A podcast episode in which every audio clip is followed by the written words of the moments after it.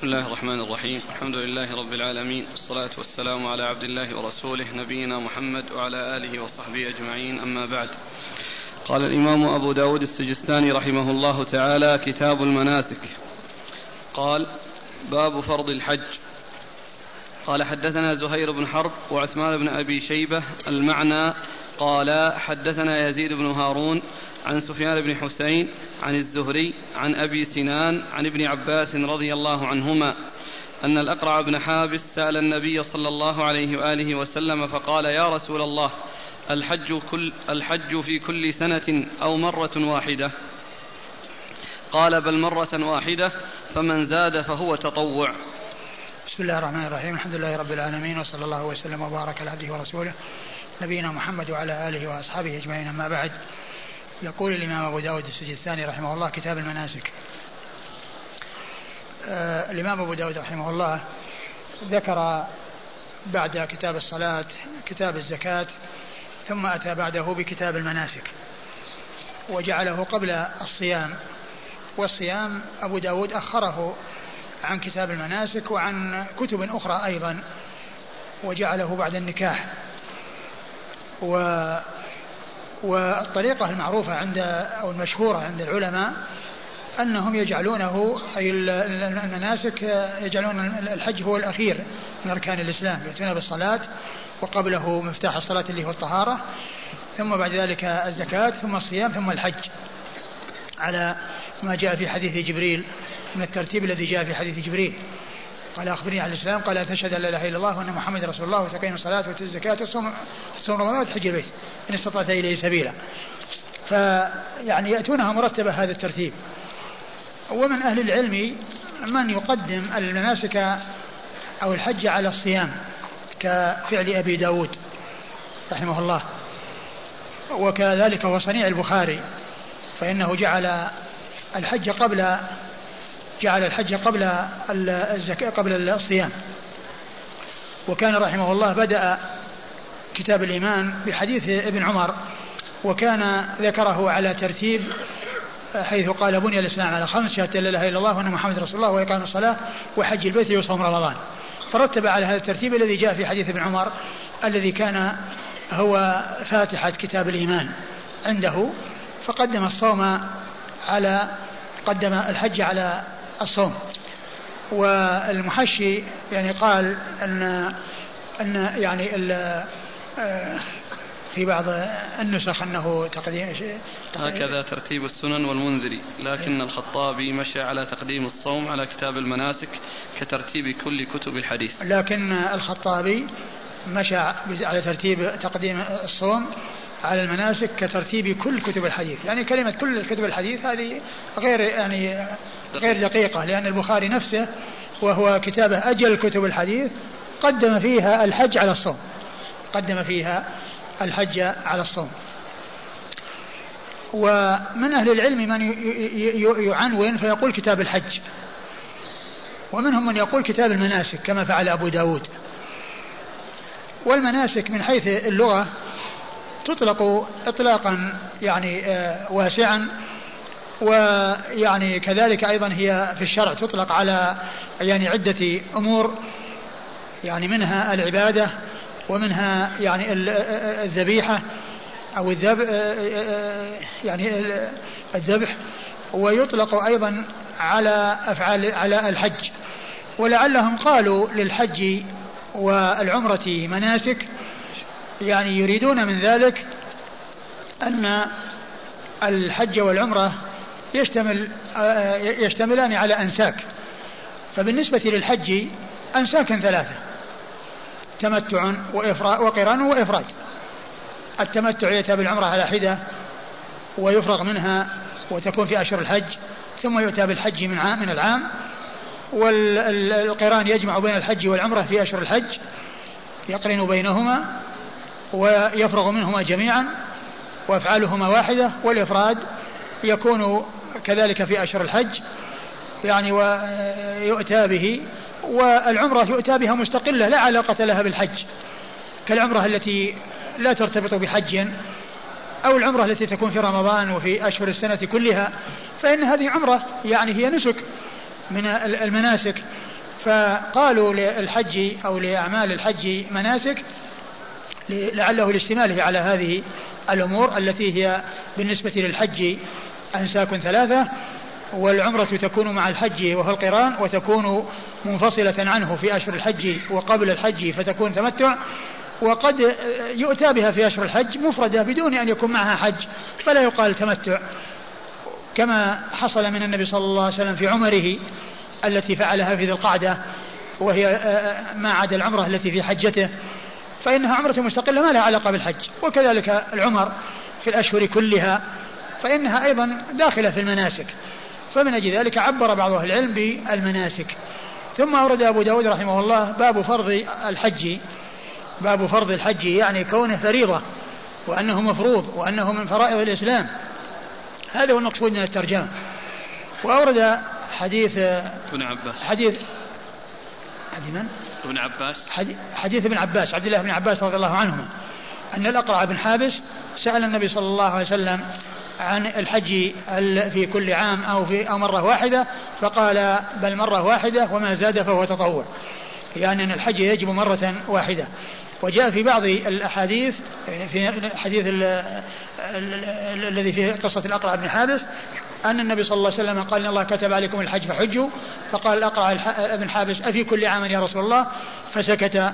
ثم قال بعد ذلك لو قلت نعم لوجبت ولما استطعتم الحج مرة وما زاد فهو تطوع. وعلى هذا فالحج فريضة من فرائض الإسلام بل هو ركن من أركان الإسلام.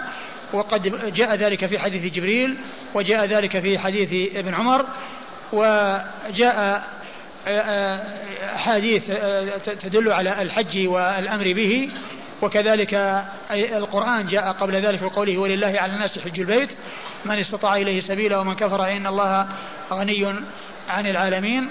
وعلى هذا فإن الحج من فرائض الإسلام وهو ركن من أركان الإسلام ومن الأمور المعلومة من دين الإسلام بالضرورة. وإنما يجب في العمر مرة واحدة وهذا من تيسير الله عز وجل وتخفيفه على عباده لأنه لو وجب في كل عام على كل قادر لكان في ذلك المشقة على الناس ولكان في ذلك أيضا المشقة في كثرة الناس واجتماعهم وازدحامهم ولكن الله عز وجل لم يفرضه في العمر إلا مرة واحدة. ولهذا فإن الحج هو الذي يكون أقل العبادات وجودا وجودا من حيث الفرض لأن الصلاة تجب في اليوم والليلة خمس مرات والزكاة تجب في السنة مرة واحدة على من كان غنيا والصوم يجب على كل يعني من وجب عليه الصوم في السنة شهرا. وأما الحج فإنه لا يأتي في, السنة في العمر إلا مرة واحدة على سبيل الوجوب. رمضان يأتي كل الصيام يأتي كل سنة. والزكاة تأتي كل سنة في حق من كان غنيا. والصلاة تأتي في اليوم والليلة خمس مرات. والحج لا يجب في العمر إلا مرة واحدة وما زاد على ذلك فهو تطوع. نعم. قال حدثنا زهير بن حرب. زهير بن حرب أبو خيثمة ثقة أخرج له أصحاب الكتب الستة إلا الترمذي. عن وعثمان بن أبي شيبة. وعثمان بن أبي شيبة هو ثقة أخرج له أصحاب الكتب الستة إلا الترمذي. وجدتم شيئا عن النسائي فيما يتعلق برواية عنه في السنن. اللي جاءنا أحد الأخوة جاءنا أبو أسامة المغربي. نقل كلام الذهبي والحافظ. أما الذهبي في السير فيقول حدث عنه البخاري ومسلم واحتج به في كتابيهما وأبو داود وابن ماجه في سننهما. وهذا كلامه في السير. وأما الحافظ ففي تهذيب التهذيب يقول روى عنه الجماعة سوى الترمذي وسوى النسائي. فروى في اليوم والليلة. عن زكريا بن يحيى الساجي عنه. عن عن زكريا بن يحيى السجزي. وروى إيش؟ روى عنه الجماعة سوى الترمذي وسوى النسائي. فروى في اليوم والليلة عن زكريا بن يحيى السجزي عنه. يعني بواسطة. وفي مسند علي عن أبي بكر المروزي عنه. هذه في تهذيب التهذيب. آه. تهذيب التهذيب؟ أي. آه. وفي المزي كما نقلت روى عنه البخاري ومسلم وأبو داود وابن ماجه. وقال آه. في آخر ترجمته قال وروى له النسائي في اليوم والليلة وغيره غير طيب. آه. يعني معناه القول بأنه روى له في السنن يعني فيه نظر. أما أصحاب الكمبيوتر بعد ما جابوا لنا شيء. أي لعل لعل الكمبيوتر يطلع شيء من هذا. أي. نعم. نعم. إي نعم دخل فيه الكتب. نعم. آه قال المعنى.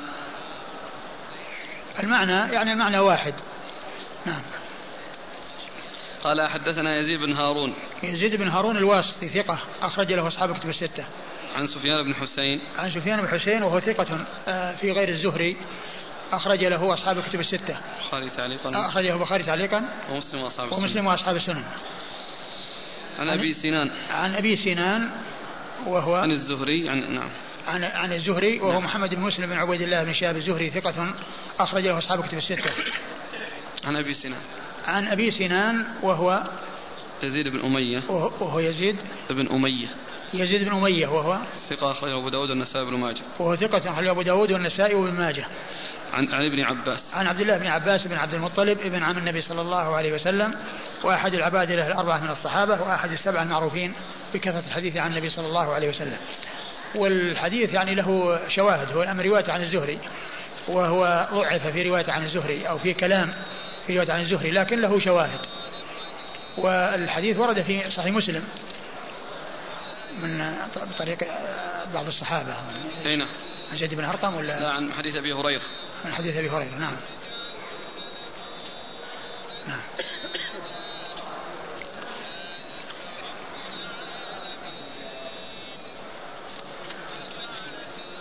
قال أبو داود هو أبو سنان الدؤلي كذا قال عبد الجليل بن حميد وسليمان بن كثير جميعا عن الزهري وقال عقيل عن سنان. يعني أن يعني آه، عدد من الرواة رواه عن أبي سنان. وأما عقيل بن خالد فإنه قال عن سنان وهو أبو سنان. نعم. نترجم لهم. قال أبو سنان من هو؟ نترجم. كذا قال عبد الجليل بن حميد. عبد الجليل عبد الجليل بن حميد. عبد الجليل بن حميد وهو لا بأس به أخرج له النسائي. وهو ثقة وهو لا بأس به أخرجه النسائي. وسليمان بن كثير. وسليمان بن كثير وهو ثقة لا بأس به في غير الزهري. وهو لا بأس به في غير الزهري. أخرج له أصحاب الكتب. أصحاب الكتب الستة. عن الزهري يعني هؤلاء متابعين. آه نعم. وقال عقيل. عقيل هو بن خالد بن عقيل المصري ثقة. أخرج له أصحاب الكتب الستة. هل ستأتي أبواب عن العمرة؟ والله ما لأنه يناسب السؤال هنا عن حكم العمرة هل هي واجبة والله ما أتذكر أن قضية ال- ال- الأبواب اللي ستأتي ما أذكرها لكن ال- العمرة اختلف في وجوبها ويعني ال- والصحيح أنها واجبة في العمر مرة واحدة وقد جاء في بعض آه، حديث آه، آه، جابر حديث جبريل وأن تحج وتعتمر. نسأل عن نعم، تعريف. إيش؟ يقول يقول إيه يقول فيه. وعلى كل هو كونه قال المناسك يعني معناه إنه يبي يجمع بينها. بخلاف البخاري فإنه أتى للعمرة بكتاب وأتى للحج بكتاب. نعم ستأتي باب العمرة. نعم. آه، ممكن نسأل عن تعريف الحج؟ الحج لغة القصد وفي الاصطلاح قصد البيت لأفعال مخصوصة لأن ال- المعنى الشرعي جزء من جزئيات المعنى اللغوي. هنا لأن المعنى اللغوي واسع. الحج أي حج أي قصد يقال له حج. وأما في الشرع فهو قصد مخصوص. هو قصد البيت لأداء أعمال مخصوصة. هي الطواف والسعي والوقوف بعرفة وما إلى ذلك. هذا هو تعريفه يعني في الشرع. والعمرة لغة الزيارة مطلقة يعني أي زيارة. وفي الشرع هي زيارة مخصوصة وهي زيارة البيت للطواف والسعي والتقصير قال حدثنا النفيلي قال حدثنا عبد العزيز بن محمد عن زيد بن أسلم عن ابن عن ابن لأبي واقد الليثي عن أبيه رضي الله عنه أنه قال سمعت رسول الله صلى الله عليه وآله وسلم يقول لأزواجه في حجة الوداع هذه ثم ظهور الحصر. ثم ورد أبو داود حديث أبي واقد الليثي رضي الله عنه أن النبي صلى الله عليه وسلم قال لأزواجه في حجة الوداع هذه ثم آه ثم آه ظهور الحصر. ظهور الحصر يعني إلزمنا ظهور الحصر. والحصر جمع الحصير وهو ما يبسط في البيت والمقصود من ذلك إلزمنا البيوت. يعني بعد حجكن حج حجكن الفرض يعني أنهن يلزمن البيوت. وقوله هذه يعني معناها أنها حجة الإسلام أو الحجة التي هي فرض. ولهذا أورده أبو داود رحمه الله في كتاب فرض الحج. في كتاب فرض الحج وأنه فرض على الرجال والنساء. والله تعالى يقول ولله على الناس حج حج البيت حج البيت من استطاع إليه سبيلا ومن كفر فإن الله غني عن العالمين. فقالوا هذه ثم ظهور الحصر يعني الزمنا ظهور الحصر أي الفرش التي آه، تبسط في البيوت أي الزمنا بيوتكن. وقد جاء آه، أحاديث تدل على أن النساء لهن أن يتطوعن. وقد جاء في الحديث نرى الحج أفضل الجهاد والحديث في الصحيح في صحيح البخاري. افضل الجهاد قال لكن أفضل الجهاد حج مبرور. افضل الجهاد حج مبرور يعني أو, أو وكذلك الأحكام هي للرجال والنساء الحج مرة فما زاد فهو تطوع. ولكن يعني هذا الحديث يدل على أن المرأة يعني يعني ينبغي لها أنها أنها يعني لا تكرر الحج لكن لو كررته فإن ذلك فإنه قد جاء ما يدل عليه. فإنه قد جاء ما يدل عليه. نعم. كنا رضي الله عنهن حججنا معه في هذه الحجة. أي نعم.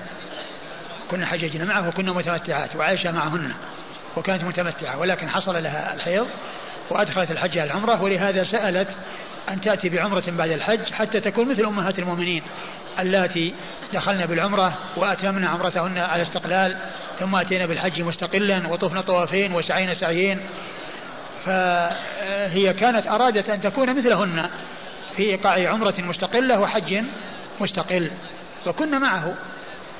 وقد نحر عنهن البقر كما جاء في الصحيح يعني هدي التمتع. قال حدثنا النفيلي. وحججنا بعد أو عدد منهن أو أكثرهن حججنا بعد رسول الله صلى الله عليه وسلم. يعني آه، في عهد آخر خلافة عمر وفي عهد عثمان. نعم. إذا يعني لم يفهمنا الوجوب الزمنا نعم. لم يفهمنا نعم الوجوب. هو هذا. وأيضا آه، يعني وجود الأحاديث الأخرى اللي تدل على أن الجهاد يعني حج مبرور. نعم لما قيل فلا نجاهد. نعم. قال حدثنا النفيلي. النفيلي عبد الله بن محمد النفيلي ثقة أخرج له البخاري وأصحاب السنن. عن عبد العزيز بن محمد. عبد العزيز بن محمد الدراوردي صدوق أخرجه أصحاب كتب الستة. عن زيد بن أسلم. عن زيد بن أسلم ثقة أخرجه أصحاب كتب الستة. عن ابن لأبي واقد. عن ابن لأبي, لأبي واقد وهو اسمه واسمه واقد. جاء في مسند الإمام أحمد تسميته وهو مختلف في صحبته. نعم. نعم. خرج له. أبو داود. خرج له أبو داود. عن أبيه. عن أبيه أبي أبو واقد الليثي رضي الله عنه وهو؟ أخرج أصحاب الكتب. لا ما ذكر اسمه. اختلف اختلف في اسمه. نعم اختلف في اسمه. على إلى فلان بن مالك أول. أقوال كثيرة لكنه مشهور بكنيته أبو واقد الليثي رضي الله عنه وحديثه أخرجه أصحاب الكتب الستة. قيل اسمه الحارث بن مالك وقيل ابن عوف الحارث بن مالك وقيل غير ذلك. نعم. قال رحمه الله تعالى باب في المرأة تحج بغير محرم. قال حدثنا قتيبة بن سعيد الثقفي قال حدثنا الليث بن سعيد عن سعيد بن أبي سعيد عن أبيه أن أبا هريرة رضي الله عنه قال قال رسول الله صلى الله عليه وآله وسلم لا يحل لامرأة مسلمة تسافر مسيرة ليلة إلا ومعها رجل ذو حرمة منها. ثم ورد أبو داود باب المرأة تحج بغير محرم. يعني أن ذلك لا يجوز. لأنه جاء النهي عن السفر والحج لا يتأتى إلا بالسفر. الحج يعني غالبا لا يتأتى إلا بالسفر والانتقال يعني إلى مكة من يعني أي بلد لأداء لأداء النسك أي الحج والعمرة. فالمرأة لا تحج لا تسافر إلا مع ذي محرم سواء للحج ولغيره وإذا لم يوجد المحرم فإنها لا يكون الحج لازما لها لأن من آه، شروط وجوبه عليها وجود المحرم. وذلك أن النبي صلى الله عليه وسلم نهى النساء أن يسافرن إلا مع ذي محرم. وقد جاءت أحاديث عديدة في السفر منها يوم وليلة ومنها ليلة ومنها ثلاثة أيام ومنها يعني غير ذلك. وقد قيل في اختلافها أنها كلها مبنية على أسئلة وأن النبي صلى الله عليه وسلم أجاب وقد جاء ما يدل على الإطلاق. وهو قوله لا تسافر امرأة إلا مع ذي محرم يعني على الإطلاق ولم يقيد. وهذا هو وهذا هو الذي ينبغي أن يصار إليه لأنه أنيط بالسفر. ومن قال ثلاثة أو جاء في بعض ثلاثة لا يدل على أن ما دونها يجوز إذا كان أقل من ثلاثة. وإنما هذا قالوا أنه مبني على أسئلة. وقد جاء الإطلاق عن النبي صلى الله عليه وسلم كما ثبت في الصحيح أنه قال لا يحل لامرأة تؤمن بالله واليوم الآخر أن تسافر إلا مع ذي محرم. فإذا ما يقال له سفر هذا هو الذي يناط به الحكم. يعني سواء كان قليلا أو طويلا أو أو قصيرا. قليلا أو كثيرا أي ذلك السفر. وإيراد أبي داود رحمه الله الأحاديث في هذا الباب أو في يعني في كتاب الحج وفي هذا الباب للإشارة إلى أن الحج لا يكون من المرأة إلا مع ذي محرم. والمحرم هو زوجها. ومن تحرم عليه على التأبيد بنسب أو سبب مباح. الزوج يعني في حال وجود الزوجية يعني ما دامت في عصمته هو محرمها و وهذه المحرمية ما دامت في العصمة وإلا فإنه إذا طلقها صارت أجنبية. وأما الذين حرمتهم أو محرميتهم مستقرة ودائمة فهو من تحرم عليه على التأبيد. لنسب كالأم والبنت أو سبب مباح كالرضاعة أو المصاهرة. كالرضاعة أو المصاهرة. زوجها ومن تحرم عليه على التأبيد. على التأبيد يعني يخرج من تحرم عليه مؤقتا ك يعني آه، زوج الأخت وزوج العمة. فإنه ليس له أن يجمع بينها وبين أختها. يعني هذا التحريم مؤقت. لو ماتت أختها له أن يأخذها. ولو ماتت العمة له أن يأخذها. يعني آه ولكن التحريم هو الجمع. فالتحريم مؤقت ولهذا قالوا على التأبيد حتى يخرج من تحرم عليه مؤقتا ك يعني زوج الأخت. فإنه لا يحل أن يأخذها ما دامت أختها عنده ولكن لو ماتت أختها أو طلق أختها وخرجت من عدتها فإنه له أن يتزوج أختها. نعم. تقييد لا يحل لامرأة مسلمة. نعم لا يحل لامرأة مسلمة. يعني كما هو معلوم المسلم هو الذي يحج وهو الذي يعني يحصل منه الحج. والكفار في خلاف بين أهل العلم. هل هم مخاطبون بفروع الشريعة هم غير مخاطبين؟ على قولين. وأصحهما أنهما مخاطبون. ولكن لا يصح منهم الحج إلا بعد الإتيان بالركن الركين والأصل الأصيل الذي هو شهادة لا إله إلا الله وأن محمد رسول الله. أي عبادة لا تصح لكنهم مخاطبون بالأصول والفروع. قالوا وفائدة ذلك أنهم يؤاخذون على ترك الأصول وعلى ترك الفروع. قال حدثنا قتيبة بن سعيد الثقفي. وقتيبة بن سعيد الثقفي ثقة أخرجه أصحاب كتب الستة. عن الليث بن سعد. الليث بن سعد ثقة أخرجه أصحاب كتب الستة. عن سعيد بن أبي سعيد. عن سعيد بن أبي سعيد المقبوري وهو ثقة أخرجه أصحاب كتب الستة. عن أبيه. عن أبيه وهو آه، آه، أبو سعيد المقبوري واسمه كيسان كيسان وهو ثقة أخرجه أصحاب كتب الستة. عن أبي هريرة. عن أبي هريرة رضي الله تعالى عنه صاحب رسول الله صلى الله عليه وسلم وأكثر أصحابه حديثا على الإطلاق. وسعيد بن أبي سعيد يروي عن أبيه ويروي عن أبي هريرة مباشرة. نعم. جاء سؤالان في قضية المرأة المقيمة في مكة. هل يجوز لها أن تحج وتذهب للمشاعر؟ نعم. التي في مكة لها أن تحج لأن هذا ما قال سفر لأن الذهاب إلى عرفات ليس سفرا. قال حدثنا عبد الله بن مسلمة لكن, و... لكن تكون مع رفقة مأمونة. يعني وإلا فإنه لا يقال له سفر. يعني الذهاب إلى عرفات ليس سفرا. نعم. قال حدثنا عبد الله بن مسلمة والنفيلي عن مالك. قال حا وحدثنا الحسن بن علي قال حدثنا بشر بن عمر قال حدثني مالك عن سعيد بن أبي سعيد قال الحسن في حديثه عن أبيه ثم اتفقوا عن أبي هريرة رضي الله عنه عن النبي صلى الله عليه وآله وسلم أنه قال لا يحل لامرأة تؤمن بالله واليوم الآخر أن تسافر يوما وليلة فذكر معناه. قال نعم ثم ورد أبو داود حديث أبي هريرة من طريق أخرى وفيه أنها لا يحل لامرأة تؤمن بالله واليوم الآخر أن تسافر آه، مسيرة يوم وليلة وذكر معناه يعني من الحديث المتقدم الذي قبل ذلك. وهنا يأتي كثيرا في الأحاديث وكذلك يأتي في القرآن الجمع بين الإيمان بالله واليوم الآخر. الجمع بين الإيمان بالله واليوم الآخر وذلك أن الإيمان بالله هو الأصل الذي تبنى عليه جميع الأصول. لأن الإيمان بالله يتبعه الإيمان بملائكته وكتبه ورسله لأن كله مضاف إلى الله عز وجل وتابع للإيمان بالله عز وجل. ومن لم يؤمن بالله لا يؤمن بالملائكة والكتب والرسل. وإنما يعني يعني الإيمان بالله هو أصل الأصول وكل الأمور الأخرى هي تابعة للإيمان بالله عز وجل. بل هي من الإيمان بالله لأنه تصديق عما جاء عن الله عز وجل في الوحي بأن هناك ملائكة وأن هناك رسل وإلى آخره. و ولكنه يأتي كثيرا في القرآن والسنة الجمع بين الإيمان بالله واليوم الآخر. الإيمان بالله لأنه الأصل والإيمان باليوم الآخر لأنه يوم المعاد الذي فيه الجزاء والحساب. ففي ذكر ذلك والتنصيص عليه تذكير باليوم الآخر والحساب. لا يحل امرأة تؤمن بالله واليوم الآخر. يعني أن الذي يعني يفكر في اليوم الآخر وما يجري في اليوم الآخر والع... وال... والثواب في اليوم الآخر والعقاب في اليوم الآخر يجعله يقلع. يعني فالمرأة عندما تريد أن تسافر وتسمع الحديث لا يحل امرأة تؤمن بالله واليوم الآخر يعني معنى ذلك أنها لو خالفت فإنها تأثم وتكون عرضة للعقاب في اليوم الآخر. تكون عرضة للعقاب في اليوم الآخر. ولهذا جاء في هذا في هذا الحديث لا يحل امرأة تؤمن بالله واليوم الآخر وكذلك من كان يؤمن بالله واليوم الآخر فليكرم ضيفه كان بالله واليوم الآخر فليكرم جاره من كان يؤمن بالله واليوم الآخر فليقل خيرا وليصمت ذلكم يوعظ به من كان يؤمن بالله واليوم الآخر في القرآن. يعني يأتي في مواضع كثيرة الجمع بين الإيمان بالله واليوم الآخر. نعم. من فعلت هل يقال لها تعيد؟ لا. المرأة إذا حجت بغير محرم فعلت طاعة وفعلت معصية. فتثاب على طاعتها وتأثم في معصيتها.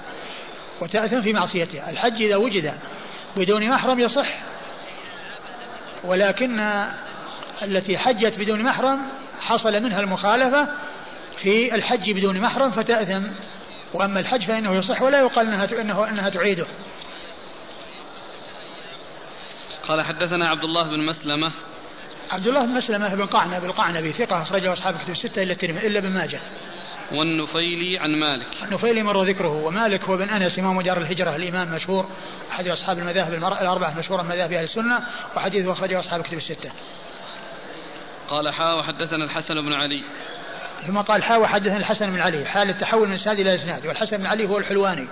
ثقة. أخرج له أصحاب الكتب الستة إلا النسائي. عن بشر بن عمر. عن بشر بن عمر وهو ثقة أخرج أصحاب الكتب. وهو ثقة أخرج أصحاب الكتب الستة. عن مالك عن سعيد بن أبي سعيد. عن مالك عن سعيد بن أبي سعيد وهو المقبري. قال الحسن في حديثه عن أبيه. قال الحسن في حديثه عن أبيه. يعني أنه يروي عن أبيه عن أبي هريرة. وأما أولئك الذين هم القعنبي والنفيلي فإنهم ما قالوا عن أبيه. ولا ولا محذورة ولا إشكال في ذلك لأن سعيد بن أبي سعيد روى عن أبيه عن أبي هريرة وروى عن أبي هريرة مباشرة. فيكون عنده آه، الطريقان. يعني وهذه طريقة يعني معروفة عند المحدثين. يمكن أنه يحصل الحديث نازلا ثم يظفر به عاليا فيرويه على الوجهين.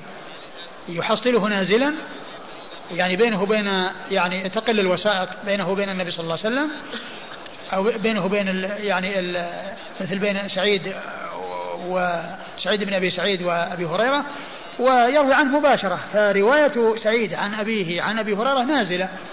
ورواية سعيد عن أبي عن أبي هريرة مباشرة هذه عالية. فالراوي يحصل الحديث نازلا ثم يظفر به عاليا فيرويه على الوجهين ولا تنافي بينهما. وهذا يجري في كثير من الأحاديث. يأتي كثير في كثير من الحديث هذه الطريقة. نعم. قال آه ثم اتفقوا عن أبي هريرة. ثم اتفقوا عن أبي هريرة نعم.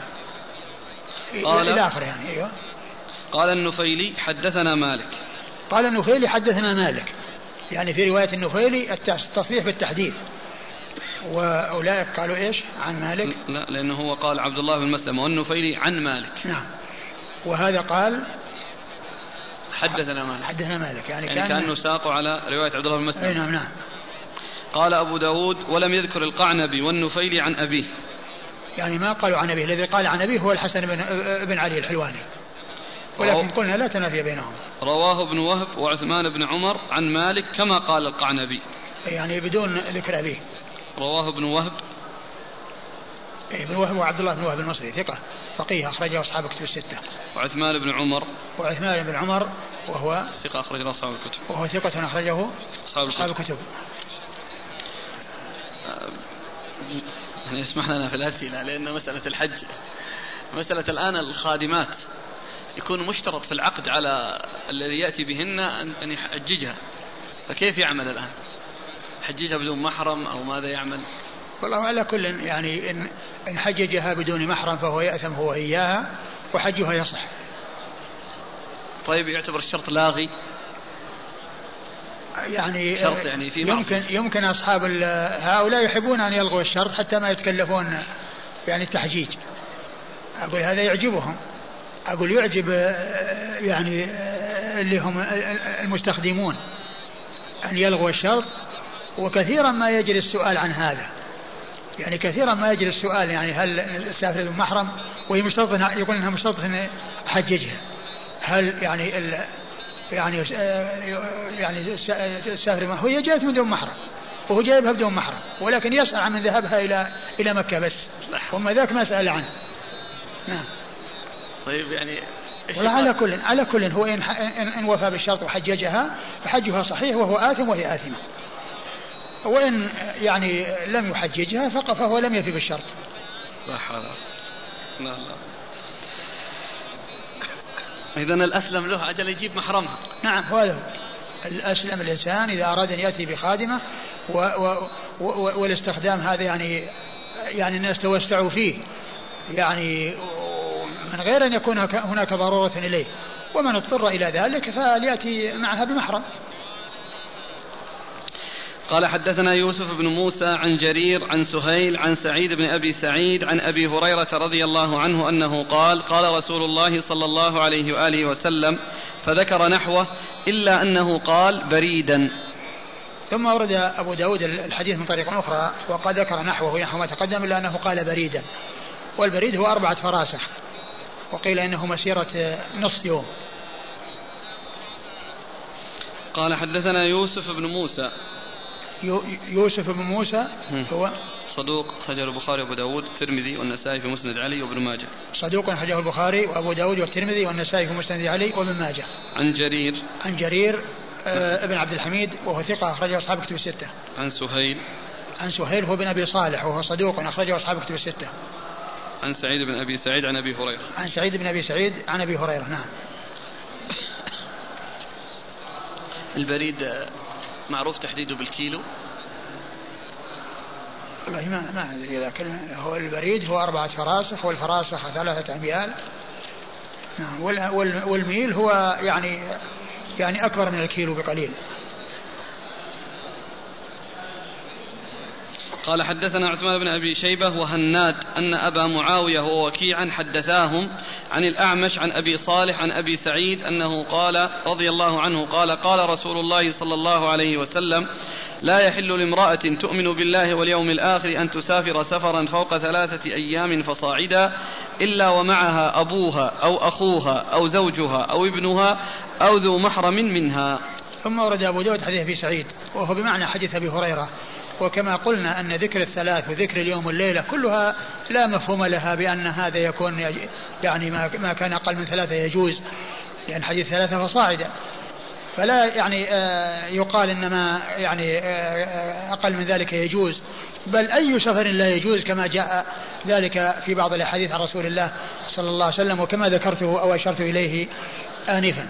وهنا ذكر بعض ال- ال- المحارم وخص أولا ثم عما. فقال زوجها أو أبوها أو أخوها؟ أبوها أو أخوها أو زوجها أو ابنها أو ذو محرم منها. أو ذو محرم منها. يعني ذو محرم منها هذه عم يعني تعميم بعد تخصيص. نعم. أحسن الله عليك. مسألة الابن أو الأخ. يعني ما الشروط فيه؟ أحيانا يأخذون عمره يعني عشر سنوات. لا لابد أن يكون بالغا. لأن الذي غير بالغ هو بحاجة إلى رعاية. يعني ما, ما, ما عنده قدرة على رعاية غيره. هو نفسه بحاجة إلى رعاية. نعم. قال حدثنا عثمان بن أبي شيبة وهناد. عثمان بن أبي شيبة مر ذكره وهناد هو بن السري أبو السري ثقة أخرجه البخاري في خلق أفعال العباد ومسلم وأصحاب السنن. عن أبي معاوية. عن أبي معاوية محمد بن خازم الضرير وهو ثقة. أخرج له أصحاب كتب الستة. ووكيع. ووكيع بالجراح الرؤاسي ثقة أخرج له أصحاب كتب الستة. عن الأعمش. عن الأعمش سليمان بن مهران الكاهلي ثقة أخرج له أصحاب كتب الستة. عن أبي صالح. عن أبي صالح السمان وهو ذكوان اسمه ذكوان ولقبه السمان. وهو ثقة أيضا أخرج له أصحاب كتب الستة عن أبي هريرة عن أبي سعيد سعد بن مالك بن سنان الخدري رضي الله عنه صاحب رسول الله صلى الله عليه وسلم وهو أحد السبعة المعروفين بكثرة الحديث عن النبي صلى الله عليه وسلم قال حدثنا أحمد بن حنبل قال حدثنا يحيى بن سعيد عن عبيد الله قال حدثني نافع عن ابن عمر رضي الله عنهما عن النبي صلى الله عليه وعلى آله وسلم أنه قال لا تسافر المرأة ثلاثا إلا ومعها ذو محرم. ثم أورد أبو داود رحمه الله حديث أبي هريرة حديث ابن عمر رضي الله عنهما أن النبي صلى الله عليه وسلم قال لا تسافر المرأة نعم. آه. ثلاثا إلا ومعها ذو محرم. ثلاثا إلا ومعها ذو محرم. وهو مثل ما تقدم نعم قال حدثنا أحمد بن حنبل أحمد بن حنبل أحمد بن محمد بن حنبل الشيباني الإمام أحد أصحاب المذاهب الأربعة المشهورة من مذاهب أهل السنة وحديث أخرجه أصحاب الكتب الستة. عن يحيى بن سعيد عن يحيى بن سعيد القطان البصري ثقة أخرج له أصحاب الكتب الستة. عن عبيد الله عن عبيد الله بن عمر عبيد الله بن عمر بن حفص بن عاصم العمري المصغر وهو ثقة أخرجه أصحاب الكتب الستة. عن نافع عن نافع مولى بن عمر وهو ثقة أخرج له أصحاب الكتب الستة. عن ابن عمر. عن عبد الله بن عمر بن الخطاب رضي الله عنهما أحد العباد له الأربعة من الصحابة وأحد السبعة المعروفين بكثرة الحديث عن النبي صلى الله عليه وسلم. قال حدثنا نصر بن علي قال حدثنا أبو أحمد قال حدثنا سفيان عن عبيد الله عن نافع أن ابن عمر رضي الله عنهما كان يردف مولاة له يقال لها صفية تسافر معه إلى مكة ثم ورد حديث ابن عمر أن أن ابن عمر كان يردف مولاة له يقال لها صفية تسافر معه إلى مكة. يعني هذا فيه ذكر المحرم ذكر المحرمية لأن يعني يعني آه، مال صاحب ملك اليمين هو محرم لمن كانت موليته. نعم.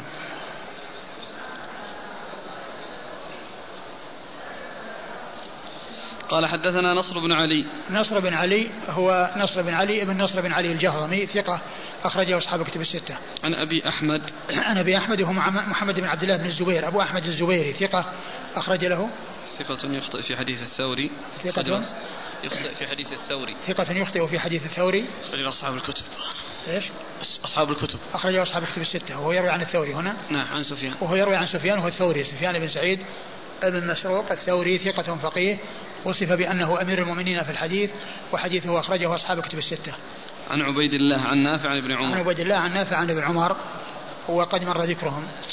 قال وهذا لا يؤثر يعني كون يخطئ في حديث الثوري وهذا منه لأن كون يعني يعني هذا اللي هو الإنسان محرم لأمته هذا أمر معروف. وكونه يردفها أو تركب معه أيضا لا بأس به. بل الإنسان يعني آه، كما هو معلوم آه، يحل له أن يعني له أن يطأ ملك يمينه كما قال الله عز وجل والذين هم لفروجهم حافظون إلا على أزواجهم أو ملكت أيمانهم فإنهم غير ملومين. فمن ابتغى وراء ذلك فأولئك هم العادون. ولكنها ولكنه إذا زوجها فإنها يعني المحرمية وكونها في ملكه يعني هذا باق ولكن البضع هو الذي ذهب عن ملكه. قال حدثنا عثمان بن أبي شيبة قال حدثنا أبو خالد يعني سليمان بن حيان الأحمر. عن ابن جريج عن عمر بن عطاء عن عكرمة عن ابن عباس رضي الله عنهما أنه قال قال رسول الله صلى الله عليه وآله وسلم لا صرورة في الإسلام. ثم ورد أبو داود رحمه الله باب لا صرورة في الإسلام والمراد بالصرورة فسرت بتفسيرين تفسير بمعنى التبتل وعدم التزوج وأن يكون يعني مثل يكون عليه النصارى من الرهبانية وقد جاء الإسلام بمنع ذلك كما جاء في قصة الثلاثة الذين يعني قالوا قالوا قال أحدهم أنا لا أتزوج النساء وقال الثاني أنا أصوم فلا أفطر وقال أنا أقوم الليل فلا أنام فقال عليه الصلاة والسلام أما إني أصوم أما إني أصوم وأفطر وأقوم وأصلي وأنام وأتزوج النساء فمن رغب عن سنتي فليس مني. وفسر أيضا بأن المقصود به لا صرورة في الإسلام يعني لا يعني لا يترك الحج أو لا يعني يقعد الإنسان عن الحج فلا يحج أبدا. وهذا هو وجه إراده هنا يعني آه، في هذه الترجمة. ذكر الترجمة وذكر الحديث هنا من أجل هذا. وقد أورد أبو داود حديث ابن عباس. حديث ابن عباس أن النبي صلى الله عليه وسلم قال لا, لا صرورة في الإسلام. لا صرورة يعني في الإسلام. نعم. والإسناد؟ قال حدثنا عثمان بن أبي شيبة عن أبي خالد. عثمان بن أبي شيبة مر ذكره أبي خالد وهو سليمان بن حيان الأحمر أبو خالد الأحمر وهو صدوق يخطئ أخرجه أصحاب الكتب. صدوق يخطئ أخرجه أصحاب الكتب الستة. عن ابن جريج. عن ابن جريج عبد الملك بن عبد العزيز بن جريج ثقة فقيه أخرج له أصحاب الكتب الستة. عن عمر بن عطاء. عن عمر بن عطاء وهو عمر بن عطاء بن ابن ابن وراز. وراز. ابن ضبط وراز. هو ضبط لا ما ضبطها بالحروف ابن حجر التقريب.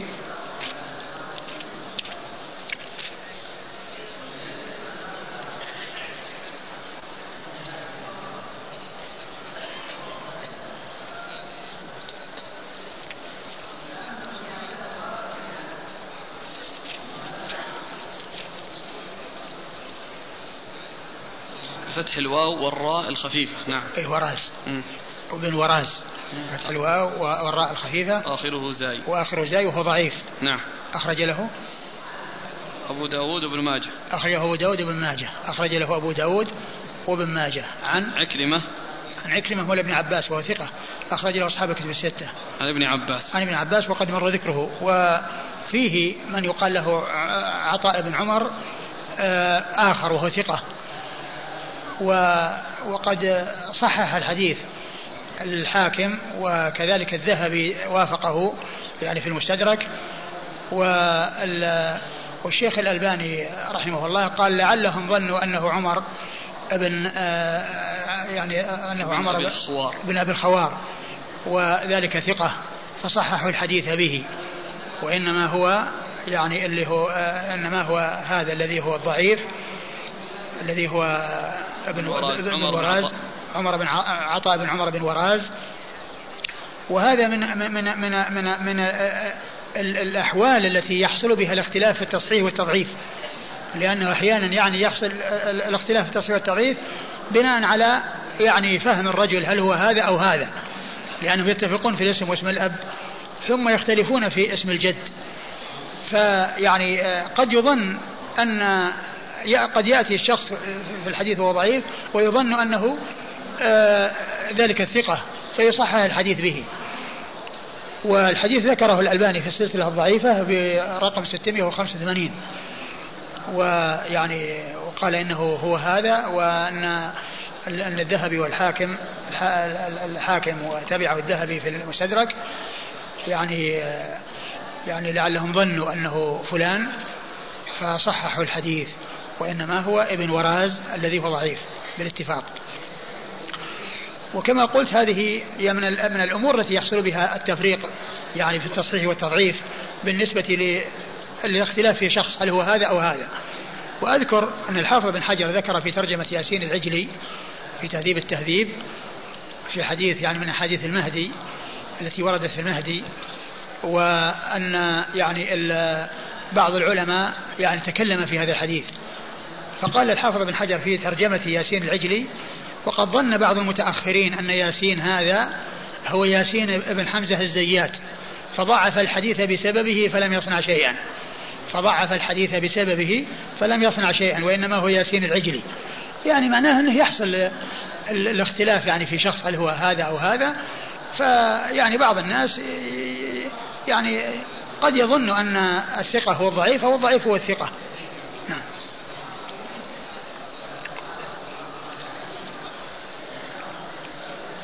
المعنى الآن.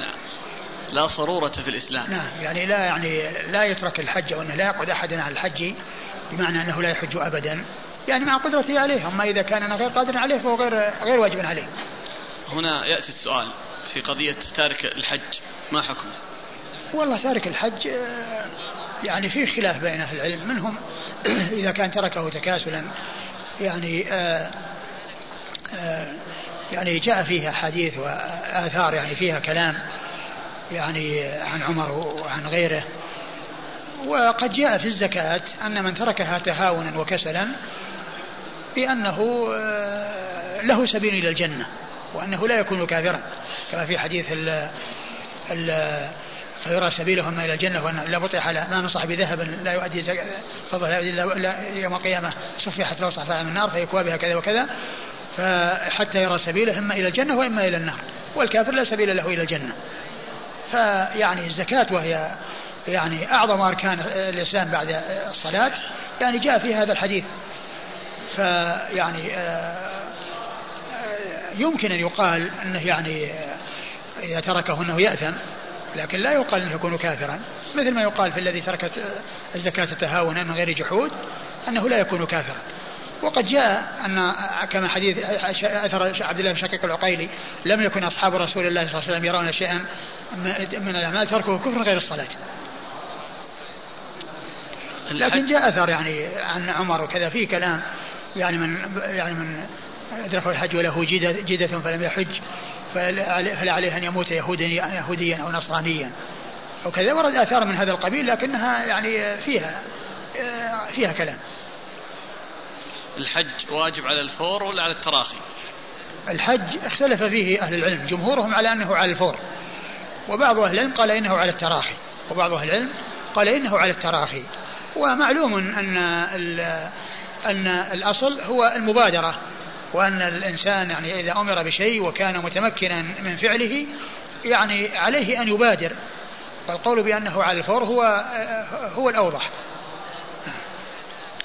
قال رحمه الله تعالى باب التزود في الحج. قال حدثنا أحمد بن الفرات يعني أبا مسعود الرازي ومحمد بن عبد الله المخرمي وهذا لفظه. قال حدثنا شبابة عن ورقاء عن عمرو بن دينار عن عكرمة عن ابن عباس رضي الله عنهما أنه قال كانوا يحجون ولا يتزودون. قال أبو مسعود كان أهل اليمن أو ناس من أهل اليمن يحجون ولا يتزودون ويقولون نحن المتوكلون. فأنزل الله سبحانه وتزودوا فإن خير الزاد التقوى. ثم ورد أبو داود رحمه الله باب التزود في الحج. في الحج. باب التزود في الحج. يعني الإنسان يعني يأخذ معه من الزاد ما يحتاجه. حتى لا يكون يعني عالة على الناس وحتى لا يحتاج إلى سؤال الناس. وسؤال الناس يعني كما هو معلوم جاء حديث كثيرة تدل على ذمه وأن الإنسان آه والإنسان الذي ليس عليه آه ليس عنده قدرة مالية فإنه لا يجب عليه الحج. لا يجب عليه الحج. وقد كانوا يعني آه يعني أورد أبو داود حديث ابن عباس. نعم. قال كانوا أثر. كانوا يحجون ولا يتزودون. كانوا يحجون يعني ولا يتزودون في الجاهلية. ويقولون نحن المتوكلون. يعني معنى الله تعالى يعني نحن نذهب للحج والله عز وجل لا يعني لا يضيعنا. لأننا نذهب للحج والله تعالى لا يضيعنا. ويروحون يبحثون في الطريق يسألون في الطريق ويسألون في مكة. فهم المتواكلون وليسوا المتوكلون. المتواكلون الذي يعني الذي هو ضد التوكل الذي فيه كسل وفيه خمول وفيه يعني عدم يعني جد وعدم يعني الفعل يعني ما يصلح. وما ينبغي أن يكون عليه الإنسان. فأنزل الله عز وجل وتزودوا. وتزودوا فإن خير الزاد التقوى. يعني تزودوا في أسفاركم يعني في الحج ويعني وكذلك غيره. الإنسان يعني يتزود في يتزود في أي سفر. يعني حتى لا يكون عالة على الناس والحج يعني يدخل تحت يعني ذلك بل هو الذي نزلت فيه الآية. فإن خير الزاد التقوى. وقال وقال بعض أهل العلم وفي هذا إشارة إلى أن الإنسان كما أنه في سفره في الدنيا يحتاج إلى زاد فأيضا في سفره إلى الآخرة يحتاج إلى زاد وزاده في سفره إلى الآخرة هي تقوى الله عز وجل. نعم. قال حدثنا أحمد بن الفرات. أحمد بن الفرات أبو مسعود وهو ثقة أخرجه أبو داود. ثقة أخرجه أبو داود. ومحمد بن عبد الله المخرمي ومحمد بن عبد الله بن المبارك وهو وهو ثقة أخرج البخاري وأبو داود النسائي ثقة أخرجه البخاري وأبو داود النسائي قال وهذا لفظه. وهذا لفظه أي المخرمي. الثاني. قال حدثنا شبابة. شبابة بن سوار وهو ثقة أخرج له أصحاب الكتب. أصحاب الكتب الستة. عن ورقاء. عن ورقاء اليشكري وهو صدوق رجل أصحاب الكتب. صدوق أخرجه أصحاب الكتب الستة. عن عمرو بن دينار. عن عمرو بن دينار ثقة أخرجه أصحاب الكتب الستة. عن عكرمة عن ابن عباس. عن عكرمة عن ابن عباس وقد مر ذكرهما. قال رحمه الله تعالى باب التجارة في الحج. قال حدثنا يوسف بن موسى قال حدثنا جرير عن يزيد بن أبي زياد عن مجاهد عن عبد الله بن عباس رضي الله عنهما أنه قال قرأ هذه الآية ليس عليكم جناح أن تبتغوا فضلا من ربكم. قال كانوا لا يتجرون بمنى فأمروا بالتجارة إذا أفاضوا من عرفات. ثم ورد أبو داود باب التجارة في الحج. يعني البيع والشراء في الحج. المقصود أنه لا بأس به. آه كما جاءت بذلك الأحاديث عن رسول الله صلى الله عليه وسلم. آه وورد أبو داود حديث؟ ابن عباس. حديث ابن عباس أنهم كانوا؟ قرأ ليس عليكم جناح أن تبتغوا فضلا من ربكم. قال كانوا لا يتجرون بمنى. كانوا لا يتجرون بمنى يعني في الحج. ف فأمروا بالتجارة إذا أفاضوا من عرفات. فأمروا بالتجارة إذا أفاضوا إذا أفاضوا من عرفات يعني في حجهم ولكنه يكون بعد الحج. يعني ولكنه يكون بعد الحج. والاتجار يعني سواء كان قبل الحج أو بعده. سواء كان قبل الحج أو بعده. لكن لا يكون العمل التجارة هو القصد وهو وهو الدافع للإنسان على الحج. ولا أن يكون يعني آه، آه، شاغلا له. لا يمكن كونه يعني يشتري أو يعني آه، يأخذ شيء يعني يذهب به إلى بلده يعني يستفيد منه ويبيعه بسعر أكثر أو ما إلى ذلك لا بأس بذلك. نعم. قال حدثنا يوسف بن موسى عن جرير عن يزيد بن أبي زياد. يزيد بن أبي زياد هو؟ الهاشمي ضعيف أخرج له البخاري تعليقا ومسلم وأصحاب السنن. ضعيف أخرج له البخاري تعليقا ومسلم وأصحاب السنن. عن مجاهد. عن مجاهد وهو بن جبر المكي ثقة أخرج أصحاب كتب الستة. عن ابن عباس. عن ابن عباس وقد مر ذكره. والحديث يعني لا يعني سيأتي له شواهد. نعم. ما فهمت السؤال ده. يعني قول ابن عباس فأمروا. يعني يعني معناه أنه أذن لهم يعني مأذون لهم.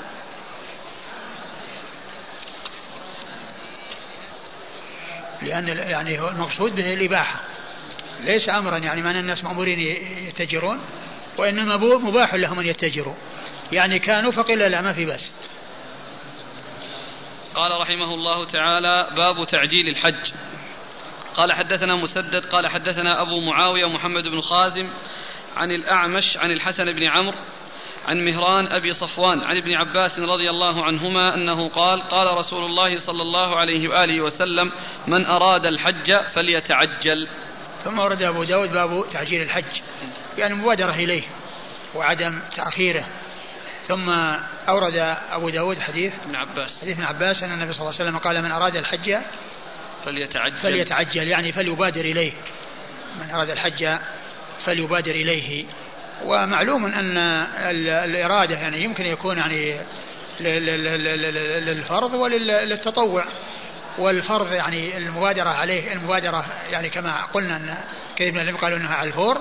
وأما التطوع فكونه يبادر إلى فعل الخير وكونه يعني ينوي الحج تطوعا. يعني آه، يبادر إلى ذلك إلى تلك الطاعة والإتيان بتلك الطاعة. نعم. قال حدثنا مسدد. مسدد بن مسرهد البصري ثقة أخرجه البخاري تعليقا البخاري وأبو داود والترمذي والنسائي. عن أبي معاوية محمد بن خازم مر ذكره. عن الأعمش مر ذكره. عن الحسن بن عمرو. عن الحسن بن عمرو وهو ثقة أخرج البخاري وأبو داود والنسائي بن ماجه. ثقة أخرجه البخاري وأبو داود والنسائي بن ماجه. عن مهران أبي صفوان. عن مهران أبي صفوان وهو مجهول أخرجه أبو داود. ومجهول أخرج له أبو داود. عن ابن عباس. عن ابن عباس وقد مر ذكره. الحديث صححه الألباني ولعل له شواهد.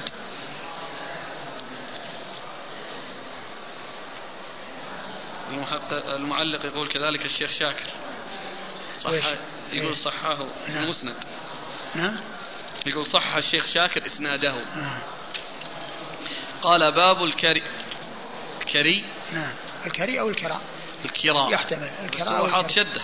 ها؟ في نسخة المنذري الكراء. قضية قضية الحركات هذه ما لها عبرة. العبرة بالحروف.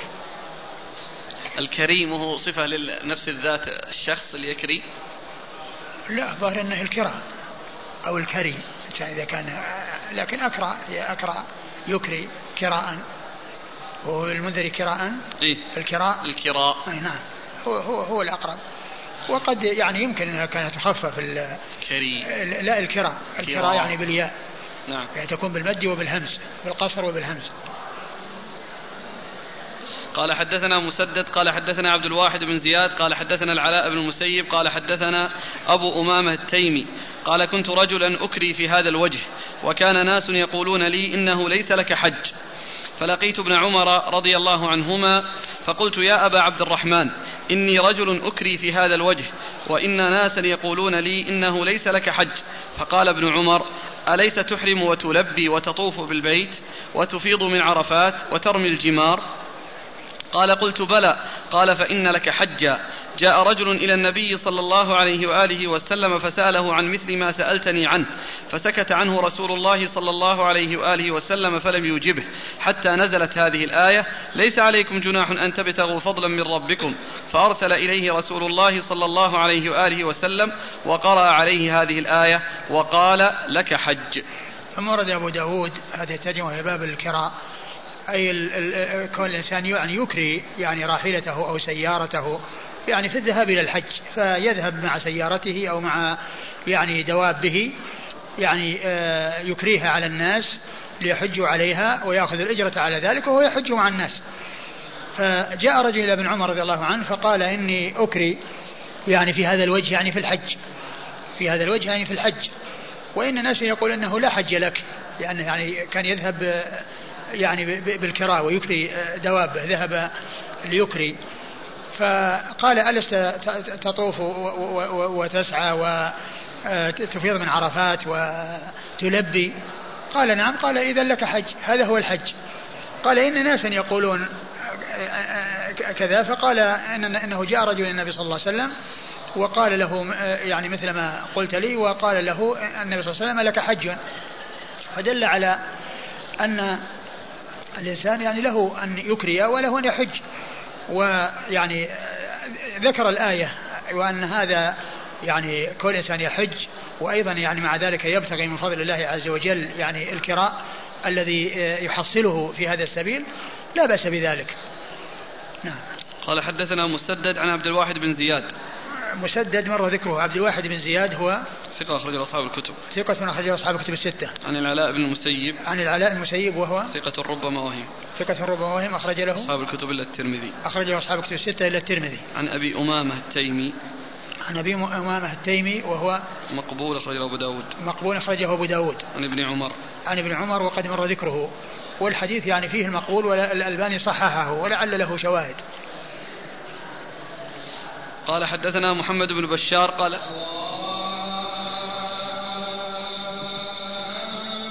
يعني نقرأ إن شاء الله بعد ذلك نقرأ بعد الأذان بعض الأحاديث.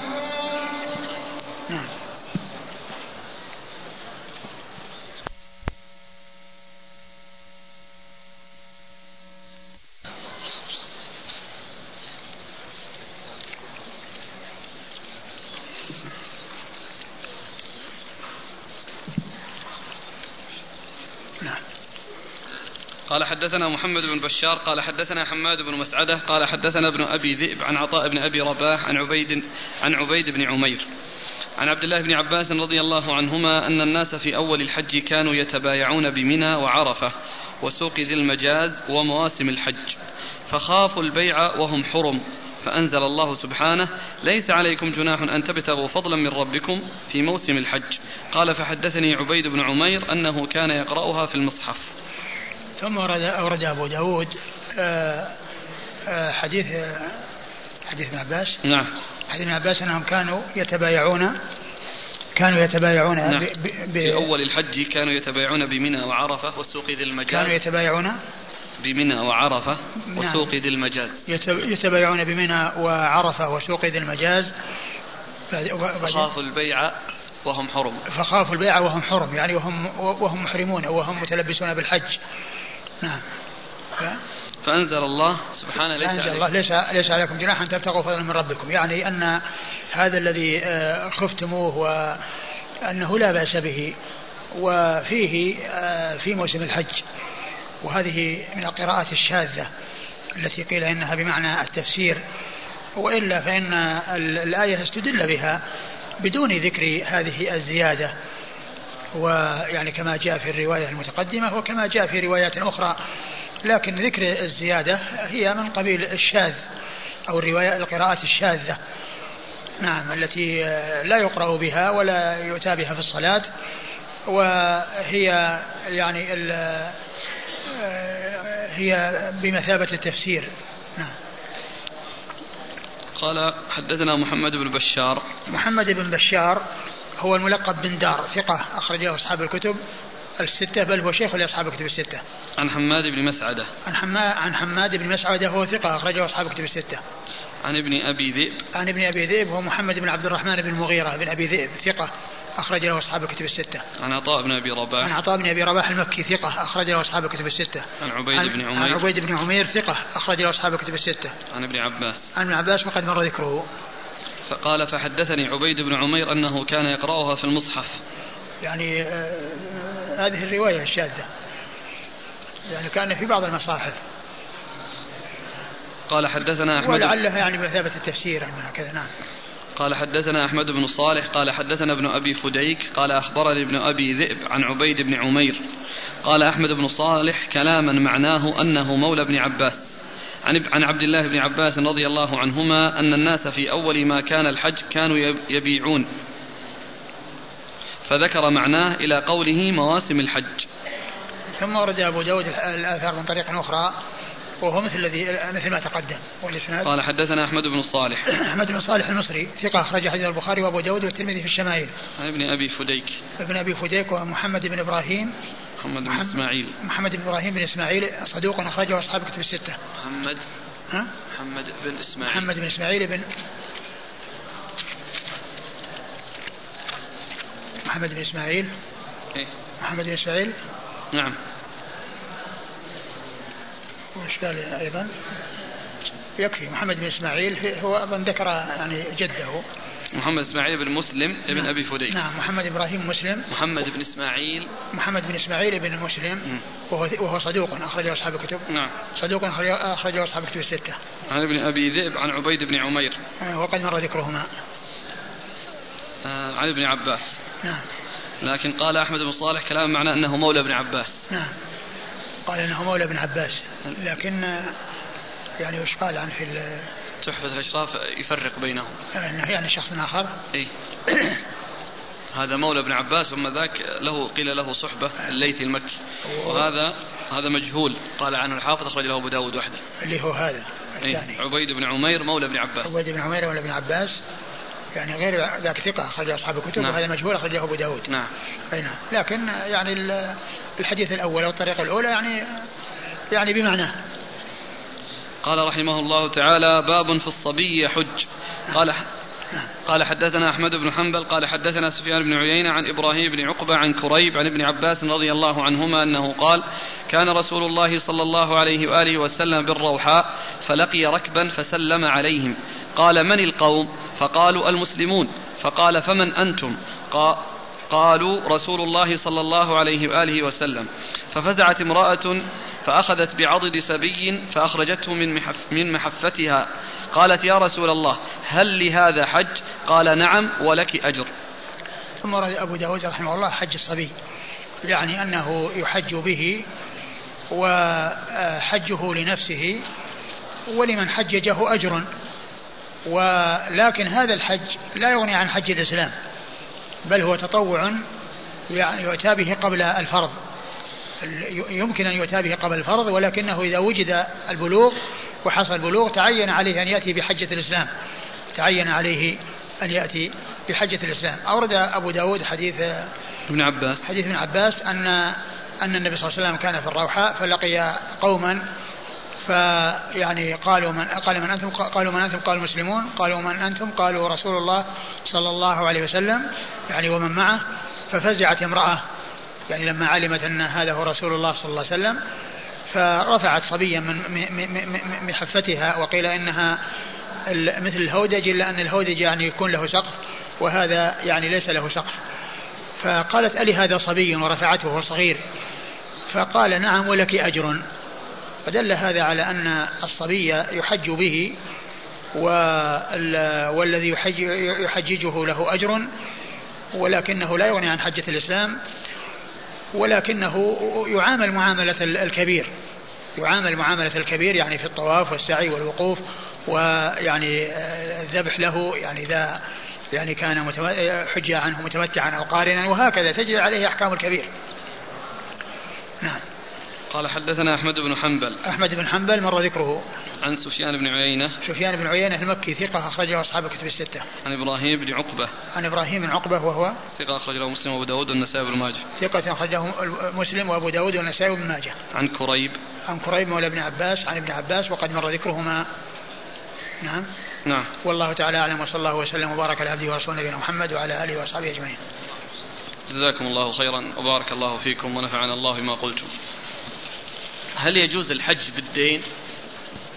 يجوز ولكن كون الإنسان يعني إذا كان عنده سداد وعنده يعني قدرة يعني على السداد يعني آه، ولكن جاء وقت الحج والمال ما هو موجود عنده لا بأس بذلك. يقول امرأة مقيمة في جدة تريد أن تحج للفريضة ولها ابن أخ ولها ابن أخ لها فهل يجب عليه أن يذهب معها كمحرم لها؟ وهل يأثم إذا أبى؟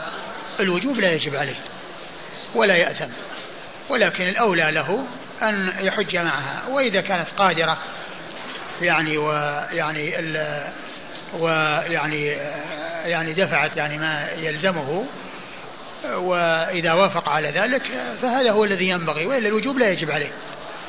لا يجب عليه أن يحج, يحج بها. هي الآن في جدة. يقول نعم. السفر بين جدة ومكة سفر ولا يعتبر؟ لا لا سفر. لا سفر. يقول الذهاب إلى الحج بطريق الخفية إذا منعت الدولة من ذلك. والله الإنسان المتطوع الدولة ما تمنع الفريضة. ولكن لكثرة الناس ولكثرة الوافدين في هذه البلاد وكون ال ال كون الكثير من الناس يقول يعني البقاء في المملكة يعني ما هو مستمر فأنا ما دمت موجودة بحج كل سنة أو تابع الحج ويترتب على ذلك كثرة الزحام. فإن عملت الحكومة شيء من التنظيم في هذا لا بأس به. والإنسان يعني عليه أن يتقيد ويحمد الله أنه حصل الحج ويخلي غير الحج. طلبت امرأة من ابنها أن يطلق زوجته. فهل له, فهل له أن يفعل ذلك برا؟ إذا كان إذا كان الطلب يعني لأمر يعني وجيه ولأمر يعني يعني آه، صحيح والمصلحة في طلاقها يطلقها. وأما إذا كانت الأم يعني ليس عندها يعني شيء يعني يقتضي ذلك وإنما يعني شيء في النفس وليس هناك فالتفريق يعني بين الزوجين لأمر يعني ليس يعني آه، هناك أمر يقتضيه. يعني لا بأس لا ينبغي ولكن عليه أنه يسترضيها ويبقي على زوجته ويسترضيها ويطيب خاطرها حتى يزول ما في نفسها. وإذا كان الأمر يتعلق بأمر يعني لا يصلح البقاء مع الزوجة فعليه أن يطلق. إذا كان أمر يعني يعني لا يليق ويعني وهي محقة في طلبها لأن السبب الذي طلبته يعني وجيه ويعني ف والأمر يقتضي فيطلقها. وإن كان ما هناك يعني سبب وجيه وإنما هو بس شيء في النفس فيبقي عليها ولكن يسترضي أمه.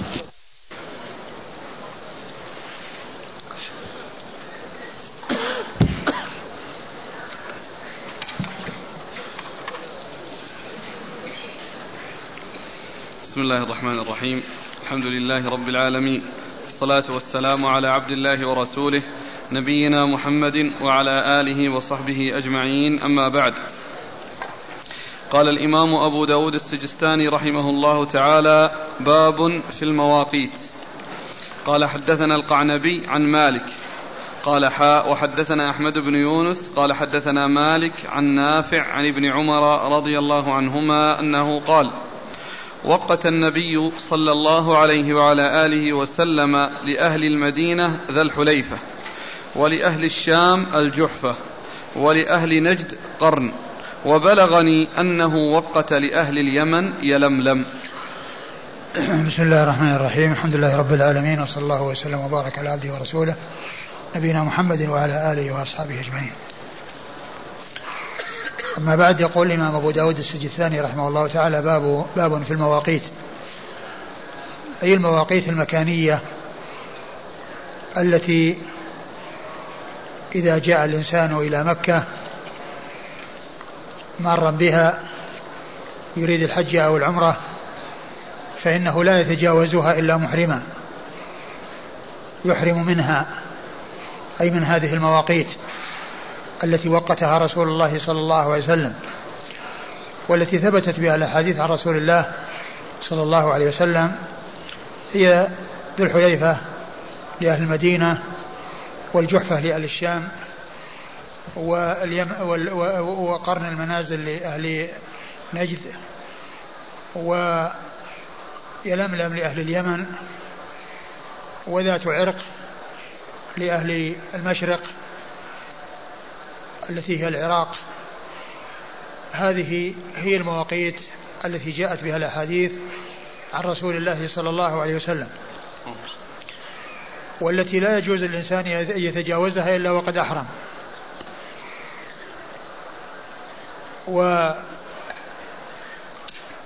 ويمكن للإنسان وهو في المدينة أنه يتهيأ للإحرام وهو في منزله. فيغتسل ويتنظف ويتهيأ ويلبس الإزار والرداء. وإذا جاء الميقات ينوي ويلبي فيكون استعداده وتهيئه قبل ذلك يعني في المدينة لمن كان في المدينة.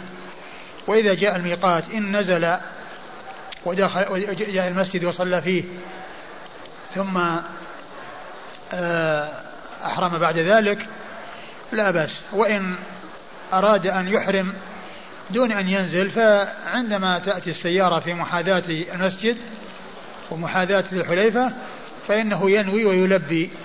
ولو لم تقف السيارة ولو لم تنزل إلى المكان الذي في المسجد الذي فيه المسجد وإنما يستعد قبل ذلك ولكن ينوي من الميقات ويلبي من الميقات.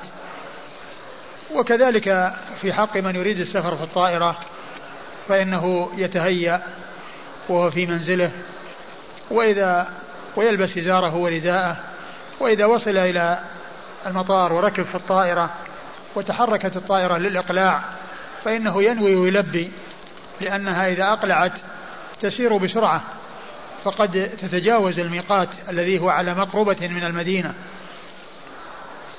الحاصل أن الإحرام من الميقات والنية منه والاستعداد يكون قبل ذلك. وكذلك بالنسبة لمن يأتي في الطائرات فإنه يتهيأ ويغتسل ويلبس إزاره ورداءه وهو في بلده. ثم يركب الطائرة وعليه الإزار والرداء. وإذا أقبلت الطائرة على المكان الذي هو الميقات فإنه ينوي ويلبي. وإذا كان شك أو خاف أنه لا يعني آه، يعرف أو لا ينبه للميقات ويخشى أن يفوت دون أن يحرم فلو أحرم قبل ذلك بمسافة لا بأس بذلك لأن الإحرام قبل الميقات يصح ولكنه بعد الميقات يصح ولكن يكون عليه دم ويكون فيه مخالفة. وأما إذا أحرم قبله صح إحرامه وصحت نيته ويلزمه أن يستمر في الإحرام لكن السنة تكون من الميقات. السنة أن الإحرام يكون من الميقات. والمواقيت هي هذه التي جاءت في الأحاديث وهذه المواقيت لأهل تلك البلاد ولمن مر على تلك البلاد من, غير أهلها من مر عليها من غير أهل تلك البلاد. فالذي مثلا في المدينة وهو من أهل اليمن أو جاء من اليمن ووصل إلى المدينة ويريد أن يحرم بالحج أو العمرة يحرم من ميقات المدينة.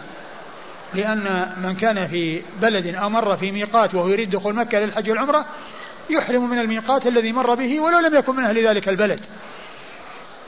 ولو لم يكن من أهل ذلك البلد لأن النبي صلى الله عليه وسلم قال هن لهن ولمن أتى عليهن من غير أهلهن ثم إن الذي يلزمه الإحرام هو من يريد الحج والعمرة.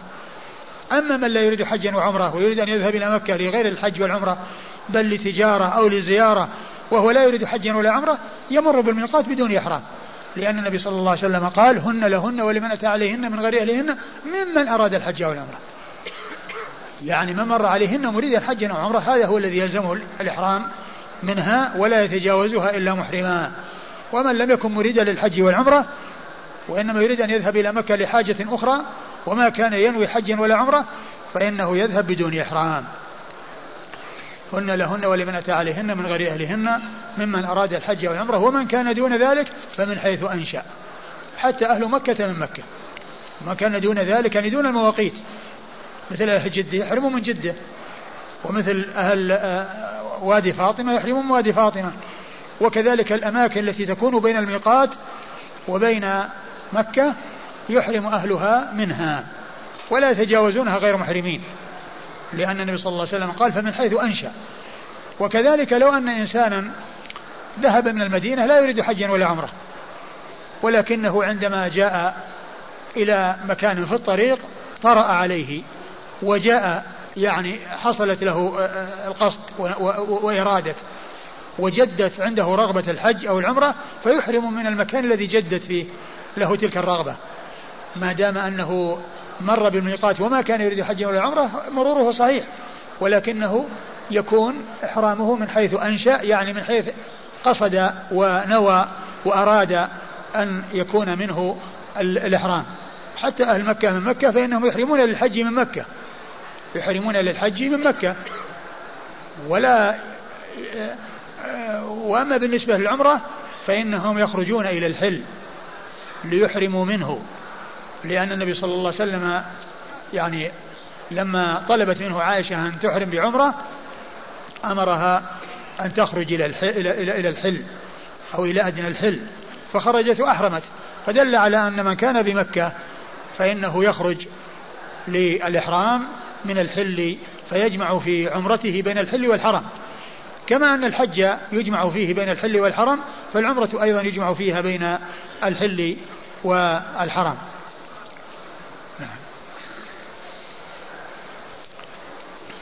قال حدثنا القعنبي القعنبي هو عبد الله بن مسلمة بن قعنب القعنبي ثقة أخرج له أصحاب الكتب الستة إلا ابن ماجه عن مالك عن مالك بن أنس إمام دار الهجرة الإمام المشهور أحد أصحاب المذاهب الأربعة المشهورة من مذاهب أهل السنة وحديثه أخرجه أصحاب الكتب الستة قال حا وحدثنا أحمد بن يونس ثم قال حا وحدثنا أحمد بن يونس وأحمد أحمد بن عبد الله بن يونس البصري وهو ثقة أخرج له أصحاب الكتب الستة البصري ولا الكوفي؟ ها؟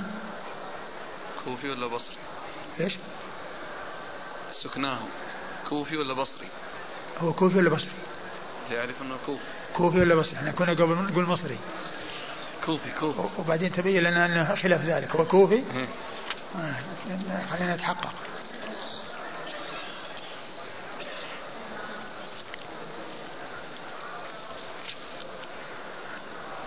الكوفي. الكوفي. نعم. أحمد بن عبد الله بن يونس الكوفي وهو ثقة أخرج له أصحاب كتب الستة.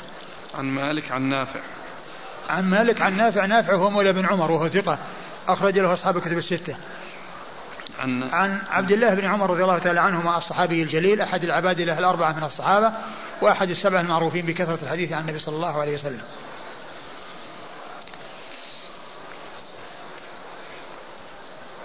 نعم.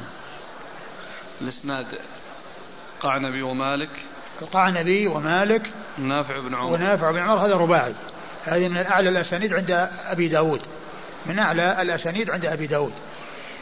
وما جاء في آخر الحديث من قوله بلغني قول عمر بلغني أن النبي صلى الله عليه وسلم وقت لأهل اليمن يلملم فإن يعني قوله بلغني يعني أنه بواسطة وهو معلوم أن ما يأخذ عن الصحابة. وقد جاء مصرحا به في بعض الأحاديث يعني كما يعني في حديث ابن عباس الذي بعد هذا فإنه صرح بأن ميقات أهل اليمن يلملم ويعني وقوله ابن عمر وبلغني لا يؤثر لأنه إنما يأخذ عن الصحابة وقد جاء مصرحا به في ومضافا إلى رسول الله صلى الله عليه وسلم في الأحاديث الصحيحة. يكثر السؤال بالنسبة لجدة لمن جاء من المغرب أو من السودان. جدة ليست من المواقيت وإنما هي داخل المواقيت. فمن يأتي إلى جدة يحرم من البحر أو من الجو قبل أن يصل إليها. إن كان من جهة الجنوب أو أقرب ما يكون الجنوب يحرم بمحاذاة لملم وإن كان أقرب إليه الجحفة أو المكان الذي هو ميقات أهل الشام فإنه يحرم بمحاذاته ولا يؤخر الإحرام إلى جدة لأن جدة هي داخل المواقيت.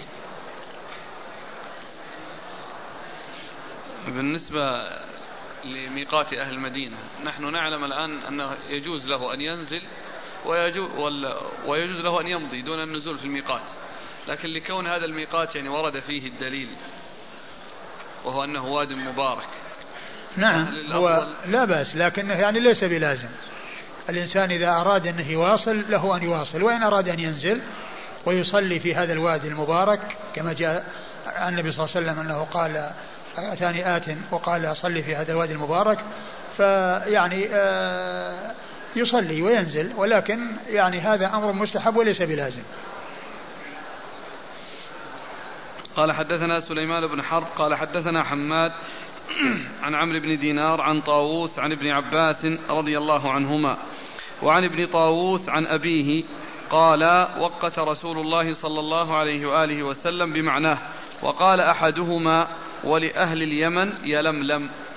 ثم ورد حديث ابن عباس رضي الله تعالى عنهما وهو بمعنى حديث ابن عمر وفي بعض يعني طرقه أنه قال ولأهل اليمن يلملم يعني وقت النبي صلى الله عليه وسلم لأهل اليمن يلملم. يعني ففيه التنصيص على توقيت النبي صلى الله عليه وسلم لأهل اليمن يلملم كما وقت لأهل المدينة الحليفة ولأهل نجد قرن المنازل ولأهل الشام الجحفة وقت النبي صلى الله عليه وسلم لأهل اليمن يلملم وهو بمعنى حديث حديث ابن عباس بمعنى حديث ابن عمر المتقدم ولكن فيه التنصيص على اليملم لأنه قال وبلغني أن, أن النبي صلى الله عليه وسلم قال ولأهل اليمن يلملم وهنا نص على أن ميقات أهل اليمن يلملم نعم. وقال أحدهما ألملم وقال أحدهما ألملم يعني بدل يلملم بدل الياء همزة. قال فهن لهن ولمن أتى عليهن من غير أهلهن ممن كان يريد الحج والعمرة ومن كان دون ذلك. قال ابن طاووس من حيث أنشأ. قال وكذلك حتى أهل مكة يهلون منها. وهذا مر الكلام عليه. يهلون منها. يحرمون منها للحج بس. وأما العمرة يخرجون إلى إلى الحل. لأن النبي صلى الله عليه وسلم أمر من كان بمكة وهو عائشة أن تخرج إلى الحل. قال حدثنا سليمان بن حرب. سليمان بن حرب ثقة أخرج له أصحاب كتب الستة. عن حماد. حماد بن زيد ثقة أخرج له أصحاب كتب الستة. عن عمرو بن دينار. عن عمرو بن دينار وهو ثقة أخرج له أصحاب كتب الستة. عن طاووس. عن طاووس بن كيسان ثقة أخرج له أصحاب كتب الستة. عن ابن عباس. عن ابن عباس عبد الله بن عباس بن عبد المطلب ابن عم النبي صلى الله عليه وسلم وأحد العباد الأربعة من الصحابة وأحد السبعة المعروفين بكثرة الحديث عن النبي صلى الله عليه وسلم. وعن ابن طاووس عن أبيه. وعن ابن طاووس عن أبيه. يعني عن ابن عباس. يعني آه، آه، آه، ابن طاووس يعني في طريق يعني من هو اللي روى عن طاووس في الطريق الأولى؟ عمرو بن دينار. عمرو بن دينار. عمرو بن دينار يروي عن طاووس. وعبد وعبد الله بن طاووس يروي عن أبيه. وعبد الله بن طاووس يروي عن أبيه. وأبوه يروي عن النبي صلى الله عليه وسلم. وعبد الله بن طاووس ثقة أخرجه أصحاب كتب الستة.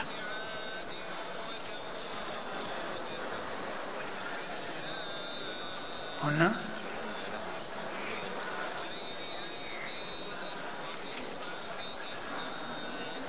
هو المشهور يعني في الروايات هن لهن ولمن أتى عليهن من غير أهلهن وكلمة لهم يستقيم يعني لأهل المدينة ولمن مر عليها.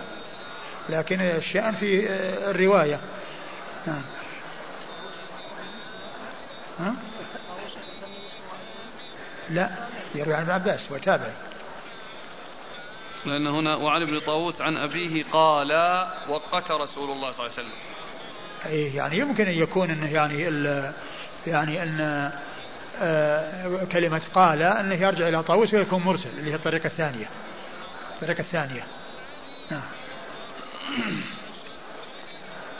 قال حدثنا هشام بن بهران المدائني قال حدثنا المعافى بن عمران عن أفلح يعني بن حميد عن القاسم بن محمد عن عائشة رضي الله عنها أن رسول الله صلى الله عليه وآله وسلم وقت لأهل العراق ذات عرق. ثم ورد أبو داود رحمه الله حديث عائشة رضي الله عنها أن النبي صلى الله عليه وسلم وقت لأهل العراق ذات عرق. وقت لأهل العراق ذات عرق وهذا هو الميقات الخامس الذي جاء في أحاديث يعني خاصة بخلاف الأربعة الأولى فإنها قد جاءت يعني في مجتمعة.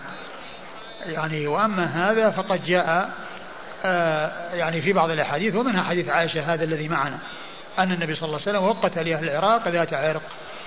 نعم.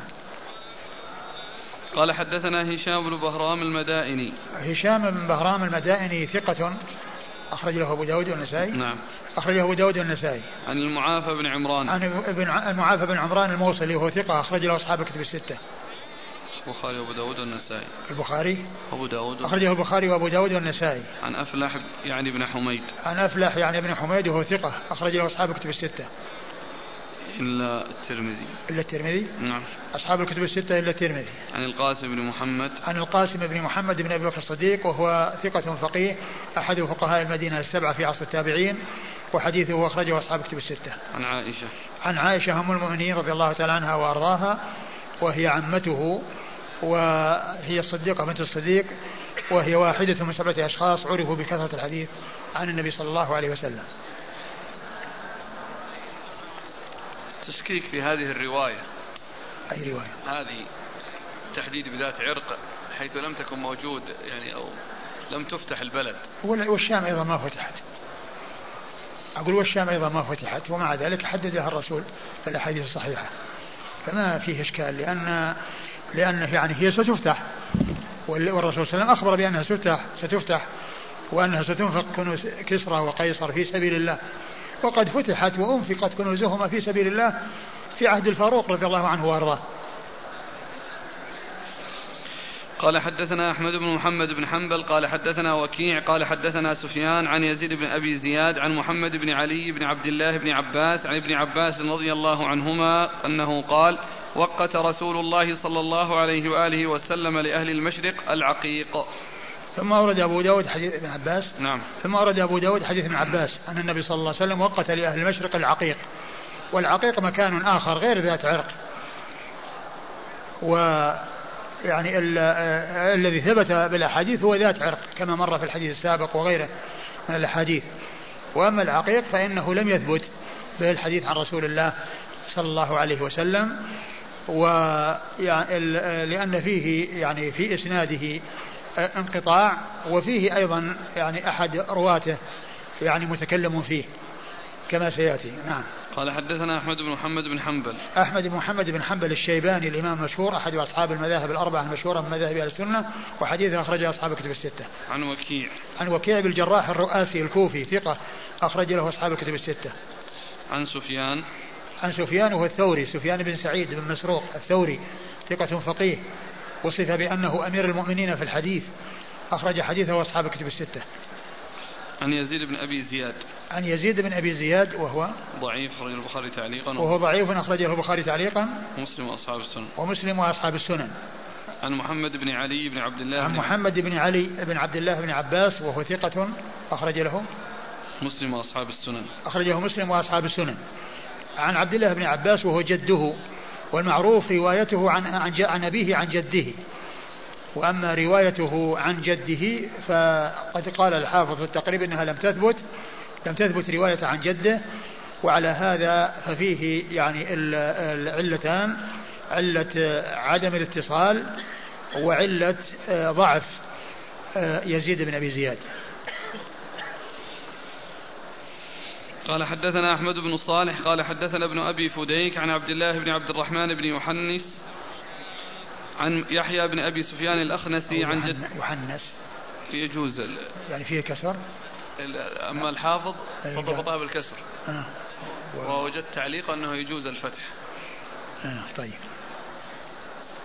عن يحيى بن أبي سفيان الأخنسي عن جدته حكيمة عن أم سلمة رضي الله عنها زوج النبي صلى الله عليه وآله وسلم أنها سمعت رسول الله صلى الله عليه وآله وسلم يقول: من أهل بحجة أو عمرة من المسجد الأقصى إلى المسجد الحرام غفر له ما تقدم من ذنبه وما تأخر أو وجبت له الجنة. شك عبد الله أيتهما قال قال أبو داود يرحم الله وكيعا أحرم من بيت المقدس يعني إلى مكة.